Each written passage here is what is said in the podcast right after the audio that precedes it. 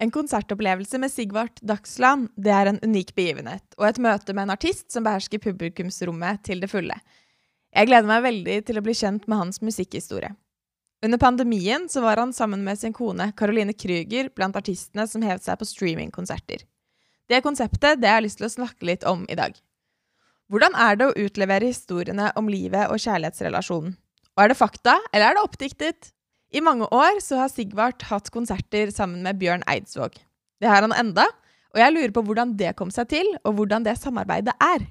Jeg heter Emilie, og du hører på Bli med backstage.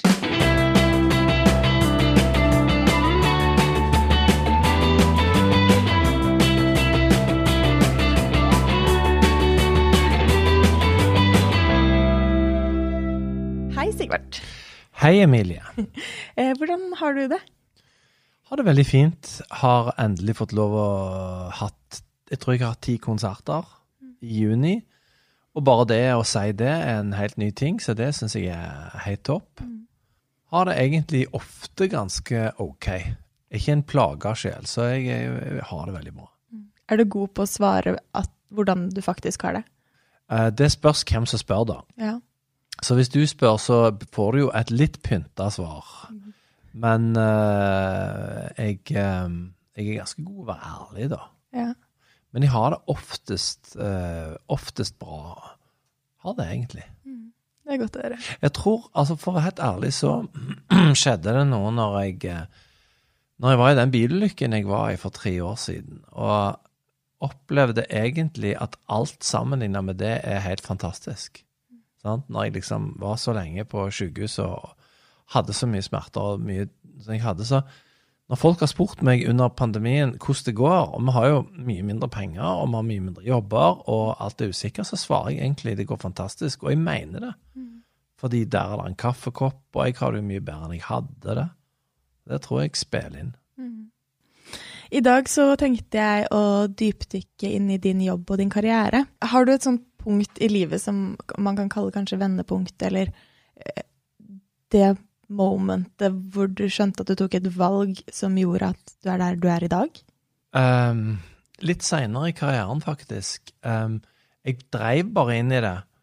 Og når jeg begynte i TenSing, det var broren min som tok meg med i TenSing, og TenSing er først og fremst jeg, jeg var jo 100 stykk, og det var først og fremst indremedisinsk. Det låt jo ikke særlig bra. De var jo ikke gode til å synge trestemt eller firstemt, men de var ikke så verst heller, men, men det var bare mye, mye ok folk. Og så var det da kunne du låne utstyret. og Hvis du kunne noe, så ble du hevet fram på scenen eller satt i revygruppe eller sånn. Så det var veldig gøy. Um, jeg hadde ikke noen ambisjoner da, selv om jeg begynte å skrive da. Da begynte jeg å skrive sinte tekster om kirka. Det syns jeg var, eh, var veldig ok. Kritiske tekster om kirka skrev jeg. Og de kom jo fra et eller annet sted, sikkert inspirert av Bjørn Eidsvåg, og, og det at vi fikk lov å spille vår egen musikk. Men, eh, men så dukket det jo opp det der med at jeg burde studere juss, at jeg har lærerforeldre, og det ligger liksom i en bekymring for eh, at en ikke skal få utdannelse fra de, da. Og så tok jeg juss, og så vant jeg Spellemann med alt jeg så foran a-ha. Det var ganske stort, for da skjedde det noe. Og så eh, allikevel studerte jeg juss, gikk over på nordisk, og så skulle jeg ta mellomfag i nordisk. og Det var sånn eh, gamlisbegreper, som liksom eh, Og så plutselig tenkte jeg, når jeg begynte på mellomfag, så måtte jeg kutte ut fordi jeg skulle gjøre et plate, og så skulle jeg gå inn igjen. Og så tenkte jeg at eh, nei, hvorfor skal jeg utdanne meg til noe som jeg kan nest best? Rett og slett. Det var plutselig en sånn opplevelse av at jurister eh, de synger ikke tre dager i uken og er på kontor to dager i uken. Eh, så det var en, plutselig en erkjennelse som jeg gjorde. Og da var jeg jo 29. Da tok jeg det bevisste valget. At det var dette jeg ville gjøre. Ja. Så våkna jeg de neste 15 årene med av og til, av og til ikke hele veien, men med drømmer om at det var en eksamen jeg ikke hadde lest til. Jobbet du hardt for å slå gjennom når du først satset? eh, ja, det har jeg alltid gjort. Jeg, jeg hadde en plate som ble liksom Joker. Den kom i 1985. Og da var jeg ferdig med å undervise, og da var jeg vel like Gikk jeg på, på lærerskolen, faktisk. Og så, eh, og så begynte jeg i militær, og da hadde Joker kommet. Og den ble, slo veldig an i veldig avgrensa geografiske områder av Vestlandet. og så eh, var jeg i militæret, og så skjedde det da at jeg ble oppringt av Tomboy. Og Tomboy var liksom Det var det store popgreien som skjedde i iallfall tre år på 80-tallet. Og da ble jeg korist med de, og da fikk jeg dimme militæret for at dette skulle bli min framtidige jobb. Så, eh, så, det var sånn jeg kom inn i bransjen. Så da korte jeg da med type Jeg korte med 40-50-60 artister. Alt fra tungrock, Diesel Dahl sine Tin Drum og sånt, og til Carola og Sissel Kyrkjebø, og til mer pop, altså til sånn Bjørn Eidsvåg og, og mer sånn mainstream pop. Så det, det var på en måte en slags skole for meg, da. Mm. Både å bli venner med dem, og så lære seg litt om koring, og så få ideer sjøl om Vi fikk ideer, noen av oss som jobba med koring, om at dette kunne vi egentlig gjøre helt uten noter, og bare gå på i studio og ha noen tanker om hvordan det skulle bli. Mm. Og det husker jeg at det var veldig kjekt når vi merket at vi fikk tillit av noen sånne sentrale produsenter. da. Mm. Så du kan si det var koringen som, som liksom fikk meg inn til at jeg eh, tørde å satse, da. Ja. Når var det du skjønte at du kunne leve av det, da? Jeg tror aldri jeg skjønte det. Jeg tror egentlig bare at det skjedde. Ja. Jeg leser av og til gode bøker om menn. Dag Solstad eller uh, Kjetil Bjørnstad. Så skriver om sånne mannsskjebner, og jeg ser at de skriver veldig ofte om at de, de driver inn i ting. Det er ikke så de ikke har sånn egen vilje, men de havner jo oppi om det er damer eller jobber eller, eller steder de havner så jeg føler egentlig at jeg var litt på drift da. Nå seinere i livet har det blitt veldig annerledes. Men da følte jeg egentlig bare at ting skjedde med meg, mm. uten at jeg tok valgene. Ja. Tror du at alle disse erfaringene er det som har blitt totalpakken for din musikalske retning? Eller har du gjort noe bevisst for å velge den veien du har? Jeg har egentlig bare skrevet musikk, og så ser jeg at min person har danna en viss reise fordi at jeg ville ha integritet i det jeg gjorde. Jeg ville ikke gjøre noe reklame. Mm. Jeg ville ikke ha noe med Se og Hør å gjøre. Og på den, nå ser jeg jo at uh, mange artister løper etter Se og Hør, og, og jeg har ennå det i, i uh, at der skal ikke jeg Eller altså, det er noen TV-programmer, de skal ikke begynne å nevne de, som jeg ikke vil være i. Mm. Og det er fordi at jeg tenker at, uh, at jeg har ikke lyst, og jeg tenker at mine lyt seere eller lyttere er litt enige med meg. Rett og slett. Så det tror jeg nok har forma eh, veldig mye av måten jeg har forholdt meg til offentligheten på. Jeg har nok vært litt beskjeden i starten, men det trengte jeg å være. VG kom, jeg hadde, jeg hadde en sang som hang ut Ole Paus. Ole Paus på den tiden, han var Vet du hvem han er? Ja. Ole Paus var, eh, er jo en intellektuell, en rabelist, en po poet. Men jeg hadde en sang som heter Ole P, som handla om at uh, bare stikk hodet fram, så kommer han og driter, driter deg ut. For det var litt sånn Samtidig som jeg kjøpte alle platene hans. alle de platene han dreide ut for oss. Så det var Erik Hillestad egentlig som ville gjerne lage Han var tekstforfatter for meg og ville lage det. Og da ville VG på min debutplate at jeg skulle stå og holde et bilde av Ole Paus hvor jeg liksom sto og lo litt av han. Og jeg vet at hvis jeg hadde sagt ja til det, så hadde det sannsynligvis kommet på førstesiden. Mm. Men jeg sa ikke ja til det, da. Nei.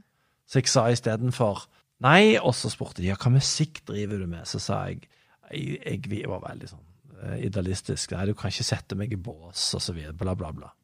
Så jeg akkurat som liksom, hvis noen synger en kjærlighetssang, så skal det være kjærlighetsrock. Det blir absurd. Ja, kjærlighetsrock, det var et fint navn, sier hun.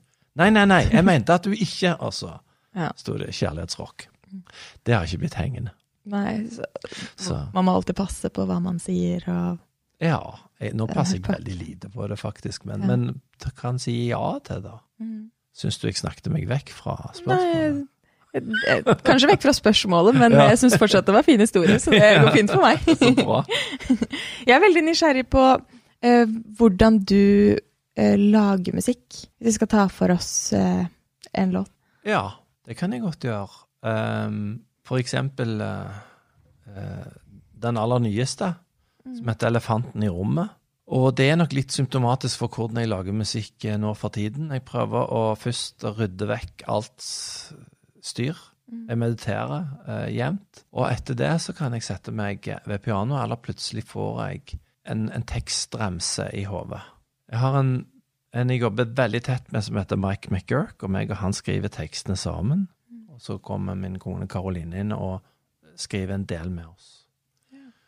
Um, på akkurat den så um, hadde vi snakket en del et år før om hva vi skulle skrive om, og på et eller annet plan så har vi nok snakket om det å ikke bli sett i et forhold, eller det å føle noe mangler. Og så plutselig så kom uh, linjen før jeg satte meg til pianoet om at jeg våkner opp helt av meg sjøl igjen, og tanken våkner seg sjøl igjen. Noe sånt. Dagen er klar og blå, jeg setter klaffen på. Altså liksom sånn, Det hverdagslige kom veldig fort. Og så kommer refrenget Kan du se meg, vil du høre? Så det var det jeg hadde. Og da setter jeg meg til pianoet, for da føler jeg at jeg ikke forstyrrer det, den ideen jeg har. Og så prøver jeg å finne det på pianoet. Det er ikke alltid jeg går til piano. Det hender jeg bare blir på diktafonen. Og så eh, setter vi oss ned med Mike McGurk og meg, og da diskuterer vi hva er dette for noe. Det er en som våkner opp, så da må vi jo skru det til sånn at, at de møtes ved, ved, ved de, de, møtes liksom ved, ved bordet og er vennlige mot hverandre, men det er allikevel helt noe som ikke sies. Så dermed blir det sånn at uh, du skjenker oppi kopp, kaffe oppi koppen din. Jeg spør om du skal ha mer oppi din ja, omvendt. Jeg, jeg, skjenker kaffe oppi koppen min, du spør om jeg skal ha mer oppi min. Og begge famler litt før vi går hver til sitt. Mm. Og så plutselig refrenget Kan du se meg? Vil du høre? Kan du gi meg noe mer? Og så blir de mer og mer desperat. Til slutt roper jo hovedpersonen ut aner ikke lenger hvordan jeg skal nå til deg. Hva skal jeg gjøre så du kan høre meg? Men det viser ikke mellom de. Det foregår bare inni hodene, mens du da ser tablået, og så kommer det ropet. Og det, det er sånn vi skrev den låten. Så veldig ofte så har jeg en idé om at her skal vi Dette høres spennende ut, en åpning, men vi vet ikke alltid hvor vi skal hen. Vi har bare på følelsen at hvis vi jakter her, så finner vi ut hvem disse personene er, og, og hva de tenker. Og noen ganger så er det veldig nær meg, og andre ganger er det ikke nær meg. Sånn som så den elefanten i rommet, som jo det er jo et begrep for at noe alle ser, men ingen snakker om. Så uh, har ikke jeg det sånn sjøl. Men, men, jeg liker veldig godt å sette meg inn i at andre kan ha det sånn, og prøve å skjønne det. Så jeg vet ikke helt hvordan jeg skal formulere det, men det blir en oppdiktet historie om hvordan du tenker at andre har det. Mm. Det er løgn, og det er mange kunstnere som har snakket om det, at det er på en måte Jeg husker ikke hvem av de som jeg kan ikke sitere han helt, men det er noe um, Det er som regel alltid Oscar Wilde, men, men det er noe med at uh, kunst er løgn mm. som forteller om sannheten. Ja. Du lager en historie som plutselig blir virkelig for deg sjøl. Meg og Mike ser for oss de to. Og så eh, begynner vi å tenke hvordan tenker de, hvordan skal vi få det til? Og da ser vi for oss at de gjør det som kanskje ikke vi gjør, da. De, vi, vi, snakker jo Jeg skal alltid snakke ut om ting, jeg. Så jeg kan være ganske på. Men vi ser for oss de som vi lager et bilde som ikke er sant. Og så blir det kanskje sant for noen der ute. Ja. Det er sånn med Altså, det er jeg tror ikke det er noe musikk som er, som er sann. Som er, det, alt er løgn, egentlig. Men for meg så kan de jo treffe så i, hundre. Når Jan Eggum synger 'Nesten ikke til stede', så en sykt fin låt av han hvor har litt til felles. Altså, han bare Han er der bare ikke.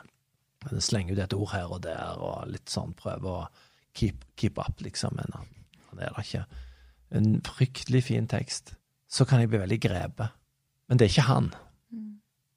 Han bare forstørrer opp en følelse, sier han da, om måten han skriver på. Så det er, det syns jeg er veldig fascinerende. Det nærmeste du kommer å synge helt om deg sjøl, det blir jo ganske traurig, da. Og det er jo en grense for hvor lenge du kan synge om kjærlighet da, bare i mulig lykkelig kjærlighet. Sant? Du kan gjøre det i starten av livet, altså starten av karrieren, da. Men etter hvert som jeg eh, blir eldre, så tror jeg nok så må jeg virkelig stille, stille høye krav til hva jeg har lyst til å synge. Da. Mm. Når dere begge to jobber med musikk, mm. er det da kan det da føles som en sånn utlevering av forholdet, på en måte, å skrive tekster om den relasjonen? Eh, jeg tenker at eh, Kari Bremnes eh, snakker så lite om tekstene sine fordi at jeg tror at du utleverer vanvittig mye av seg sjøl egentlig i det, og det er veldig stilig at du ikke gjør. Jeg liker veldig godt henne. når det gjelder oss, så eh, kan du føle det, men, men folk ser det egentlig ikke hva som er utleverende, og hva som ikke er det. Elefanten i rommet er ikke utleverende fordi vi har vært med og skrevet den sammen, og den er ikke om oss. Men det er andre på den platen som kommer da i september, som er, egentlig er veldig nær meg. Det er en som heter Dinosaur, og den handler om å føle seg utdatert. Og det husker jeg jeg tenkte for fire-fem år siden, når du vet når ingen plater selger mer, når det er all streamingen, og streamingen det er de under 25 sant, som både streamer og blir streama, og en bare tenker er det, er det noen der ute?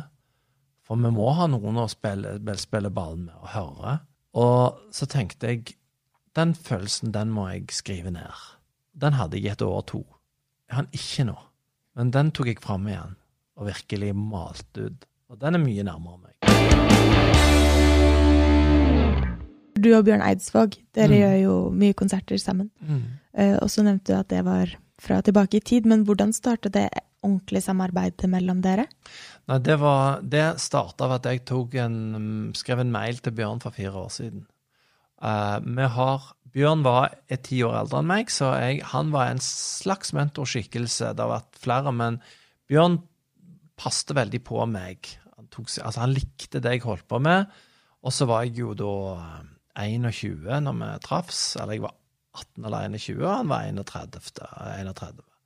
Så jeg tror vi alltid har snakket om å gjøre noe. Han inviterte meg med på noen jubileumskonserter hvor jeg var med, så jeg har vært med han liksom på seks-syv konserter. Bare en liten ting. Eh, det var det at på en av de konsertene, stor konsert med symfoniorkester i Stavanger, så eh, så, eh, så skulle eh, flere artister komme, da. Men så hadde vi fått høre at vi må bli ferdig med øvingen vår til klokken fem, for da kommer pianostemmeren. Da må- Vi hadde fått så mange beskjeder at da kom pianostemmeren. Og så, eh, og så hadde jeg vært i Nord-Norge nettopp. Der var det en kvinnelig pianostemmer. Det er jo veldig tøft. Det er uvanlig, sant? men nå har jeg sett truffet en del. Og så endelig sto det en dame med briller der. Så sa jeg ah, er det du som er pianostemmeren? sa jeg. Så, Nei, jeg hunger, sa hun. Så var det Lisa Nilsson. Og da bandet, bandet lå rett og slett over instrumentene sine, tenkte jeg shit, nå er det sånn. Snakkes aldri. Sigvart Aksland. Men hun syntes det var kjempemorsomt, så hun kaller seg pianostemmeren nå hver gang hun melder og gir hilsen. Men eh, ja, så han inviterte meg mye, og så skrev jeg en mail til han, og så skrev jeg at eh, jeg tror dette kan bli fryktelig fint å slå sammen våre kataloger. Og du selger mer enn meg. altså Han selger jo ut tre hus der jeg selger ett. Og det vet jeg, men jeg tror allikevel at dette kan bli en veldig fin konsert som jeg som lytter gjerne ville hørt når vi slår sammen låtkatalogene. Og da skrev han bare tilbake dette vil jeg gjerne. Og så var vi i gang. Ja. Tok det to år å planlegge. Og hvordan Fordi nå løser dere det med en sånn en god blanding av deres Jeg føler dere eh, Da jeg så dere på plenen, da. Mm. eh, Det er en sånn fin flyt gjennom hele, som er en, en form for historie fra start til slutt, på en Mm. måte. Er det en sånn, en sånn rolle og et visst format som dere har valgt? Ja. Altså, min erfaring, fordi jeg har hatt mye konserter med Karoline, og hun har veldig peiling på teater, eh, har vært at eh, du må Hvis det er to som står sammen på scenen Du kan løse det ved å snakke veldig lite, og så er det musikk. Men vi, både Bjørn og meg er jo veldig tekstlig orientert. Så vi valgte å sette opp noen retningslinjer, nemlig at det må være syv-åtte duetter. Vi skal være likeverdige. Og at eh, vi rett og slett hadde lyst på regi. Ja. Så eh, Erik Ulfsby, som er sjef på Norske Teatre, han var ute to ganger. Fikk ideene, og, og, og på en måte kom med innspill til hva, tid det er lurt å gjøre hva. Og det har vi fulgt. Så jeg føler at når det er Og der går det jo litt over i fra bare konsertmusikk. Jeg er helt sikker på Jeg har veldig lyst, for nå har jeg eh, voksne barn, så nå kan jeg gå på Bergenfest igjen, og det gleder jeg meg til å skulle gjøre da. Og da vil jeg, jeg sikkert bli inspirert av veldig mange av artistene, og jeg regner med de prater ganske lite sant, når, når det er store konserter. Jeg skjønner jo at jeg må prate mye mindre når jeg har utekonserter, men, Men det jeg sier, er på en måte en ganske viktig del av det jeg gjør, da. Mm. Så eh, den pakken, at det, at det tekstlige òg er viktig, den eh, Det er en del av min identitet. Ja. Jeg føler faktisk at de konsertene som vi har hatt under korona, at veldig mange av artistene snakker mer enn jeg har opplevd mange gjør før. Det er så gøy. Kanskje det har noen sammenheng Ja. med at det har vært lite gigs det siste halvannet år, eller Ja, kanskje det er det. Eller, altså, eller er det det at norske artister prater mer? kanskje. Jeg vet ikke hva de gjør, jeg. Jeg syns det er en fin greie, da, for det blir en veldig sånn personlighets, et personlighetspreg på det.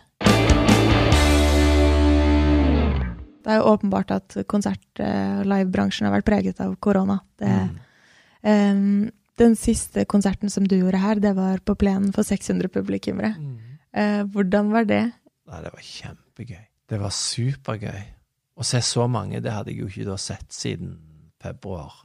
Mm. Eller mars, siden mars i fjor. Så det var veldig gøy, altså. Det har vært noen veldig fine opplevelser i det siste hvor eh, det har vært over 200 nå inne i konserthus. For i starten, vet du, når du kommer i et konserthus og har konserter, hvis det er 400-500 av 1000, så er det jo litt sånn Du må overvinne noe da. Mm. Mens nå så er det jo, vil det jo være julaften. julaften. Det er rart, fordi på Bergenhus festning så kan vi jo til vanlig ha 9000. Mm. Og da er jo 600 ekstremt lite, men samtidig så føles det ut som så mye fordi at Mm. man ikke har gjort det på så lenge, da. Mm.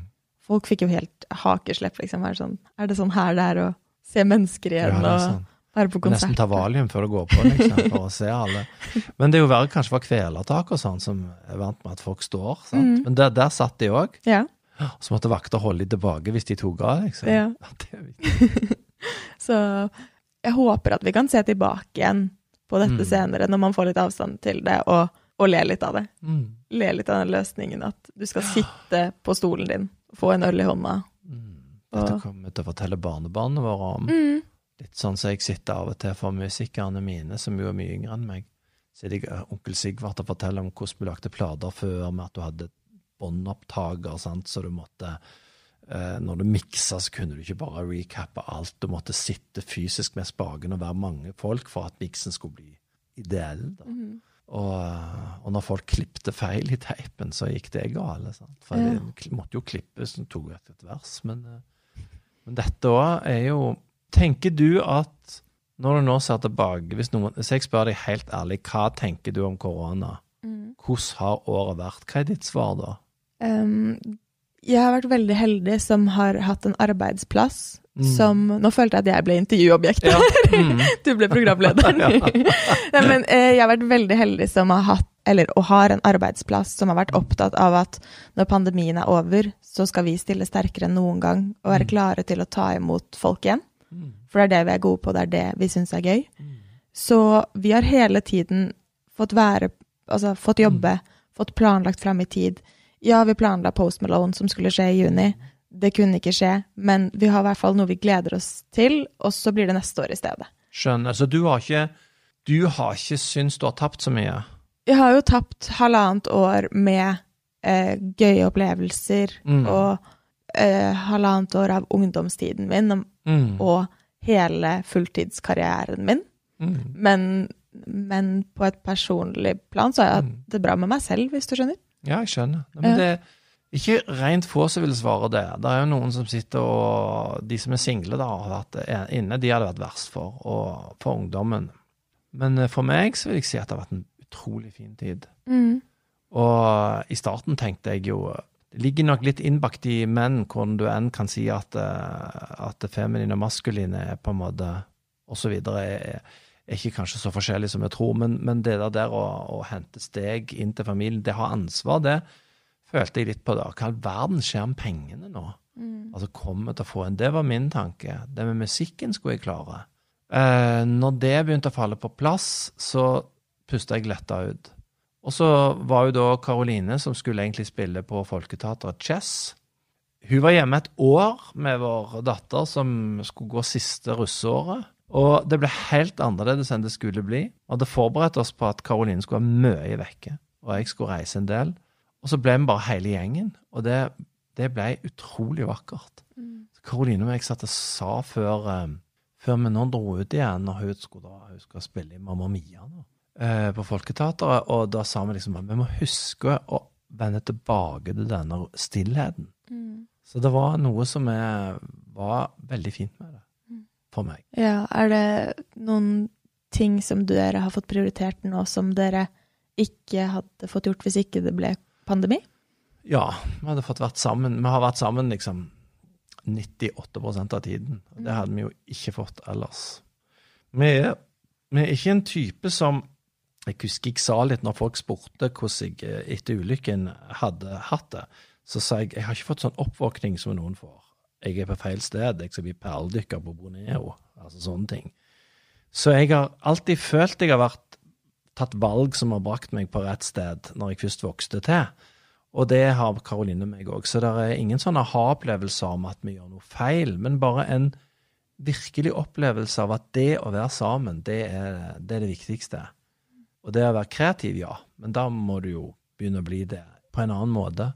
Så jeg syns det har vært et pusterom for menneskeheten som eh, det er mulig at vi vil ikke se konsekvensene av før om mange år. Om vi endrer oss der. Ja. Spennende.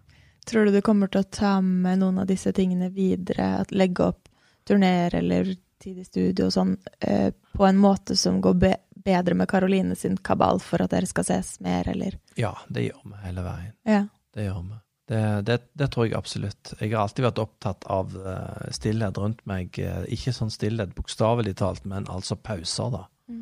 Så det å komme hjem etter seks-syv ganske hektiske, fine dager med venner på tur, allikevel da å ha ro når jeg kommer fram, er veldig viktig.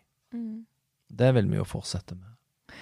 Um, I starten av pandemien så ble det jo en sånn konsertstreaming-bølge. Eh, du var også en del av den. Mm. Um, vil du fortelle litt om den tiden? Ja, det var veldig ok. Det var Kirkens Nødhjelp som ringte. Um, Trond Are Utle heter han som ringte. Han ble ganske viktig fordi han sa har lyst til å være med på streaming og gi pengene til, altså samle inn til Kirkens Nødhjelp. Og så tenkte jeg altså, at det, er litt god karma, tenkte jeg. Og, og når du egentlig trenger noe sjøl, og gi det vekk Trond-Viggo har vel en sang om det. Men det, det er litt fint, så jeg tenkte ja, det har jeg lyst til å gjøre. Og så visste jeg ikke da eh, Så jeg hadde sending, eh, og da var der, deltok der eh, en fra NRK som var veldig viktig. Og så plutselig så kunne vi ikke være mange. Så min datter Sofie og Styrk, samboeren hennes, de har holdt på med filming og klipping, så de ble plutselig med som kamerafolk. ja. Og Styrk han lærte da av Anders som satt der og, var proff, og med, med hvordan du gjør det. Og så var Emma med og talte opp, og, og hadde altså vår yngste datter, så satt hun og dermed skrev på chatten. Ja. For vi måtte ha, Men at vi var en kohort, var perfekt. Så da um, sendte vi ut, og så funka det. Og så fikk vi jo en eh, ja, under, under en million med 950 000 til Kirkens Nødhjelp. Det var bare helt sånn fantastisk. Er det noen erfaringer fra den tiden som du kommer til å ta med deg, tror du? Eller har du tatt med deg noen? Ja, jeg tror jeg har tatt det med meg. Jeg tror ikke vi er der at vi sender så mye konserter og streamer. Ja, de gjør det jo. altså 21 Pilots gjorde det, Coldplay har gjort det. Um, kanskje det er litt verre der borte, så de må gjøre det. Jeg føler nok ikke nå Er du liksom, for eksempel eh, For å intervjue deg, nei. nei. Men ser du på en streamerkonsert nå for tiden? Nei, eh, jeg tenker at streaming er et fint supplement. Men det vil Ja. aldri erstatte live-aspektet. Enig. Eh, vi hadde en konsert med Kygo på Koengen for noen Mm. år tilbake. Mener det var Kygo. Hvor- uh, eller om det var Marcus og Martinus. Ja, i hvert fall. Så Mm. ble den streamet eh, Jeg håper ikke Kygo hører på nå. Hvis det var Max og Martinus.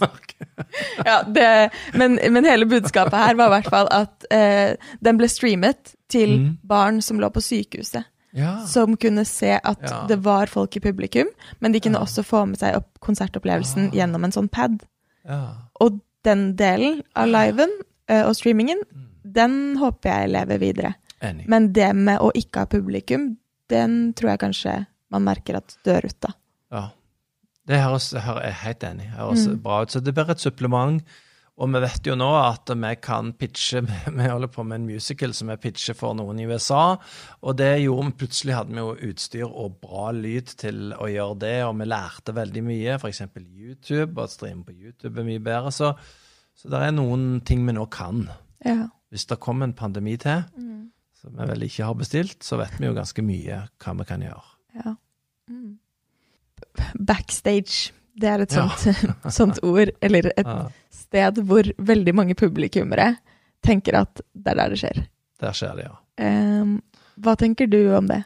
Der er det liksom eh, kokain og lakrisbåter og um, Backstage Ja, men jeg, har, jeg er jo veldig mye backstage. For oss så er det et um, Hvis backstage er god, og det er mye god mat, og vi har sofaer, og vi kan prate sammen og henge, så er det backstage for oss.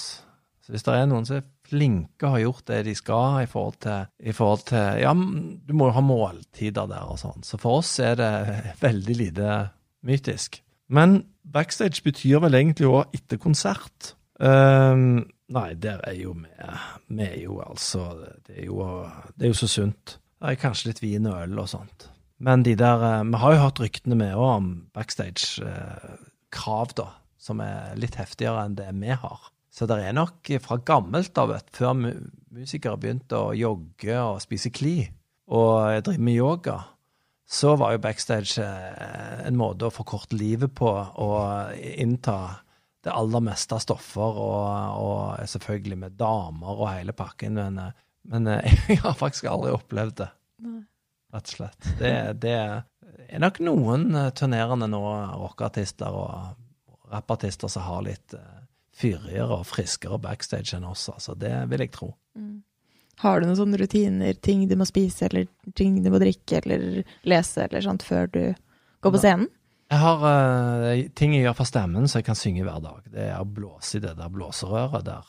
Mm. Uh, Er det sånn flaske med ja, vann og flaske med sugerør? tut, og det er bare sånn Det er bare innertier. Det er så bra. Mm. Så det er bare må en gjøre. Uh, det er vel alle Hva kalles det for noe disse, i sangpedagoger og De heter jo ikke ortopeder. Hva de heter for noe? Logoped. Mm. Enige om. Så det ser jeg bare virker. Da får jeg eh, Da blir jeg mindre hes. Og så må jeg meditere. Mm. Iallfall 10-15 minutter. Og på en måte Når jeg får gjort de to tingene, så jeg trenger aller helst en god stillhet halvtime før. Ja. Da, da liksom resetter jeg meg sjøl og er klar til det. Det er som å komme ned fra en fjelltur på å gå, gå rett inn på scenen. Er det sånn at du og Bjørn går oppå hverandre når dere er på turné sammen, eller får dere space fra hverandre? Nei, vi har masse space fra hverandre. Mm. Og Bjørn han liker jo å komme i siste liten uten å ha lydsjekk. Han liker at de andre har lydsjekken foran, og da kommer bare han inn. Det er det han elsker, og bare går rett inn på scenen. I de samme klærne som han går med, altså han har sorte klær. Og mens jeg øh, vil ha den roen og ta på meg andre klær. Det er viktig for meg at liksom, nå går jeg inn på noe på en scene. Og det sier sikkert litt om meg og Bjørn, det, at, at Bjørn er Bjørn hele veien. Jeg, nei, jeg vet ikke hva det sier, men Det handler vel kanskje om for din del den rollen, da, eller? At man går inn i en sånn Mm. scenerolle? går inn i en scenerolle. Det er ingenting der som ikke er sant, men jeg, er, men jeg går inn i en scenerolle, og jeg pleier stemmen min. Altså Der er Bjørn og meg så forskjellige, for han trenger ikke pleie stemmen. Han må mer pusse historiene. Og det gjør nok han hotellrommet før han kommer. Så han, han har lyst til å Han har lyst til å bare um, forberede seg på forhånd, men ikke på scenen. og Bare komme rett inn, og så være av gårde når siste tone er spilt. Hva mener du med forberede det han skal si? Ja, det tror jeg. Ja. Og det gjør jeg òg på mitt. eh, men eh, Så du kan si min forberedelse går opp og langs når jeg nå vet at jeg i morgen skal være på Hvaler og spille med trioen min, og jeg skal spille i Lillesand med trioen, så vet jeg eh, at nå må jeg sette meg ned og sette settlisten og sende den til folk, og så må jeg bare se om det jeg skal prate om nå, om jeg har ro på det. Mm. Og hvis jeg ikke har ord på det, så må jeg gå igjennom den praten så mye at det bare sitter i muskelminnet, da. Kan du bli stresset av at Bjørn bare kommer, kommer når han skal, og drar når han er ferdig? Nei, ikke et sted. Nei. Syns det er viktig at, eh, at han eh, har det, har det godt på sin måte. Mm. Og, at, eh, og jeg er jo på scenen gjerne og øver med band i en hel time, for vi vil spille gjennom det. Der er vi forskjellige. Mm. Men eh, at eh, vi gir hverandre plass. Det er en veldig viktig del av å drive med musikk. Mm. Og, og ikke irritere seg er jo enda viktigere. Ja. Har du bydd på noen utfordringer?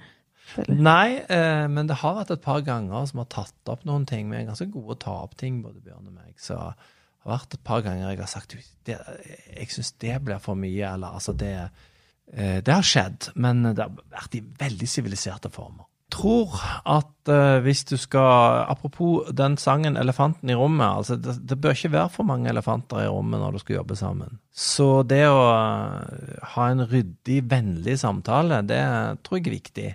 Du vet, en har et ansvar i alle bedrifter, og ikke minst i band, hvis det får utvikle seg en ukultur som er sånn Du sier ikke det til sjefen, men du sier det til alle andre.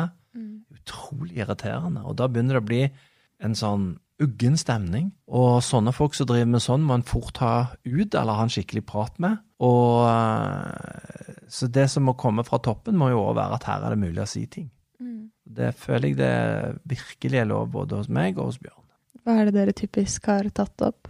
Det var en gang at uh, Bjørn snakka der jeg egentlig skulle og takte for noe. At det var en eller annen gang i hvert fall at han glemte seg ut. Jeg har ikke lyst til å utlevere fullstendig, men han glemte seg i alle fall ut og gjorde det til sin konsert. Han glemte det rett og slett. Og så var jeg på og sa at, eh, at det er veldig viktig at det er vår felles opplevelse. Og da, så sier, ser Bjørn på meg, så sier han det der er veldig, eh, veldig konstruktivt. Jeg er helt enig. Så uh, nei, det har egentlig vært et, et veldig fint samarbeid. Mm. Så var jeg veldig opptatt av at vi skulle overby på forhånd. Mm. Og, og det, det var ikke Bjørn så opptatt av, men så var vi enige, da. At dette Og han var opptatt av at det skulle være en regissør, var veldig smart. Så det, vi er opptatt av litt, litt forskjellige ting, Mm. som ble en fin symbiose. Ja. Hva er det du trives best med i det yrket her?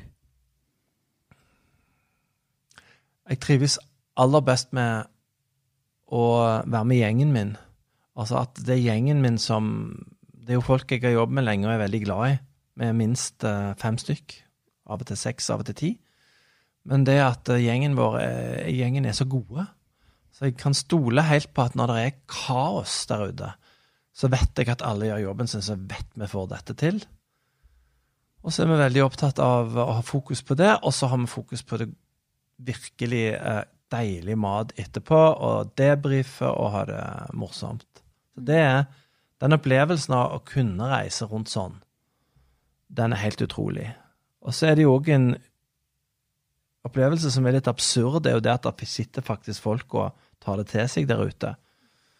Uh, ofte veldig mange som bruker sangene i sitt liv til ting jeg eh, ikke visste de ville bruke det til. Og som rett og slett eh, bruker de i ganske alvorlige sammenhenger. F.eks. ved død, eller ved brylluper, eller forelskelser, eller hvor tunge perioder, eller hva det er. Og så har de en spesiell sang som de har brukt, da.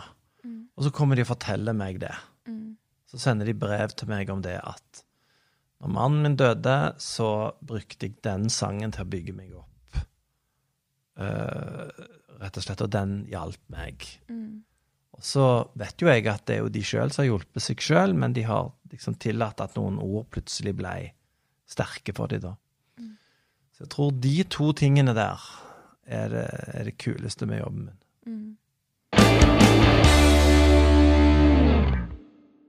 Hvilke forhold har du sånn til din egen musikk og dine egne prestasjoner, da? Ehm, jeg er stolt av mye av det jeg har skrevet som har blitt værende. Uh, men jeg er ikke imponert av meg sjøl. Sånn at jeg går ikke rundt jeg, jeg på en måte tror jeg tenker veldig praktisk om det. Altså Hvis folk kommer med sånne historier, så er det klart at da skjønner, da skjønner jeg hvor vi er hen. Så det er en annen ting. Men jeg, jeg tenker veldig sånn ved å være Altså, å, å sitte og prate med, med deg er veldig fint, for da får jeg uh, tenkt på ting jeg ikke har tenkt på. Um, men jeg tenker av og til Hvordan kan jeg få disse sangene lengst mulig ut? Jo, da må jeg være på intervjuer, og så må jeg være på TV. Det er bra. Det er bra for sangen. Hvis jeg får presentert den. For jeg vil at de skal ut og fly på en eller annen måte, men det, det kan de jo ikke uten et stort apparat. da. Så Sånn sett tenker jeg veldig praktisk på det. Jeg trenger ikke den karrieren for å eh, like meg sjøl, eller for å verdsette meg sjøl, da. Mm, den er en del av livet mitt, men livet mitt er Jeg har ikke sånne forskjellige arenaer jeg går inn på og opptrer forskjellig. Jeg er veldig den samme. Så det å på en måte integrere da vennskap, familie, eh, det spirituelle, musikken, tekstene, det er, det er en veldig viktig oppgave for meg. Hva er det du tror eh, gjør at, akkurat, at akkurat du har lykkes med din karriere? Ja, altså, de aller fleste vil da spørre uh, har jeg lykkes. De aller fleste som driver med dette. Hvis ikke akkurat du er top of the pops uh, akkurat det året. sant? For, Men når du tenker tilbake på streaming, eh, sånn som vi snakket om i stad, Mm. og dere klarte å samle inn 950 000, Mm. det må jo være en liten sånn Du har lykkes. Eh, Ja, at man kan gjøre det. Ja, Mm. ja da, og, og det er klart jeg tenker jo først og fremst så gøy for de, da. Og så det, eh, hadde de ikke klart uten meg. Mm.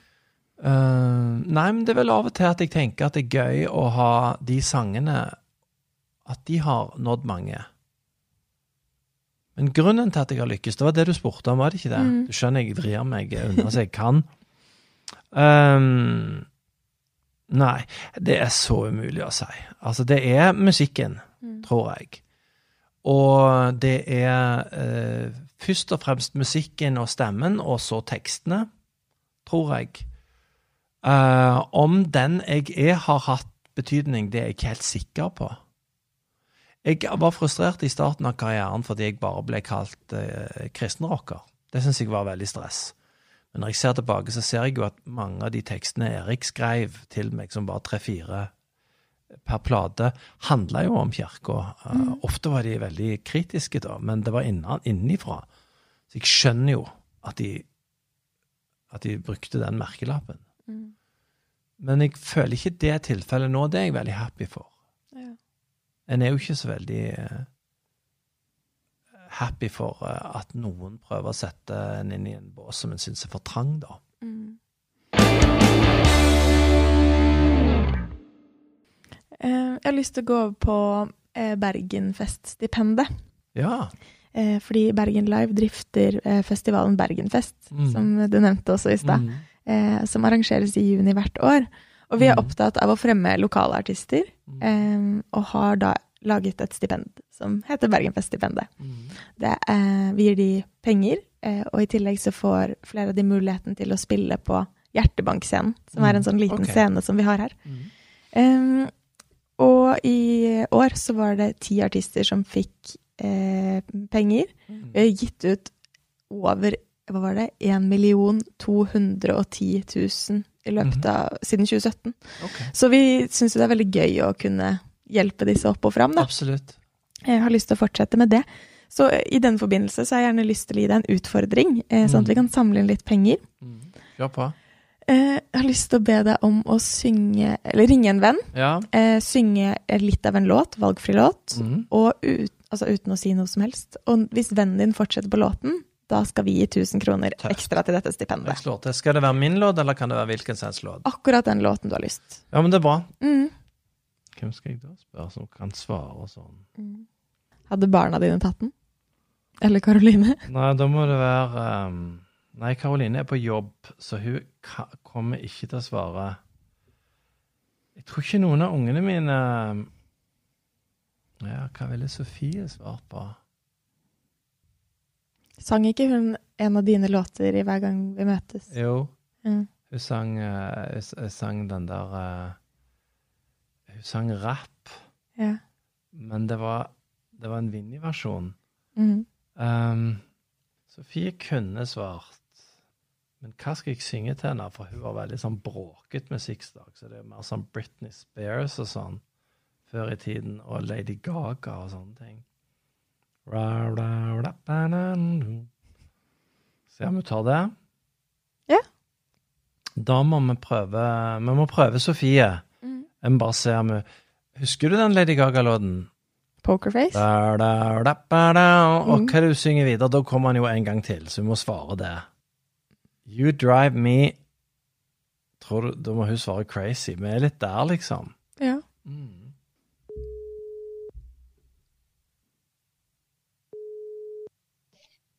Hallo? You drive me Crazy. Bra! Kan du synge videre på han? You drive me? Crazy. du, I du. just can't breathe. I'm so excited. Da, da, da, da. Ja, det er bra.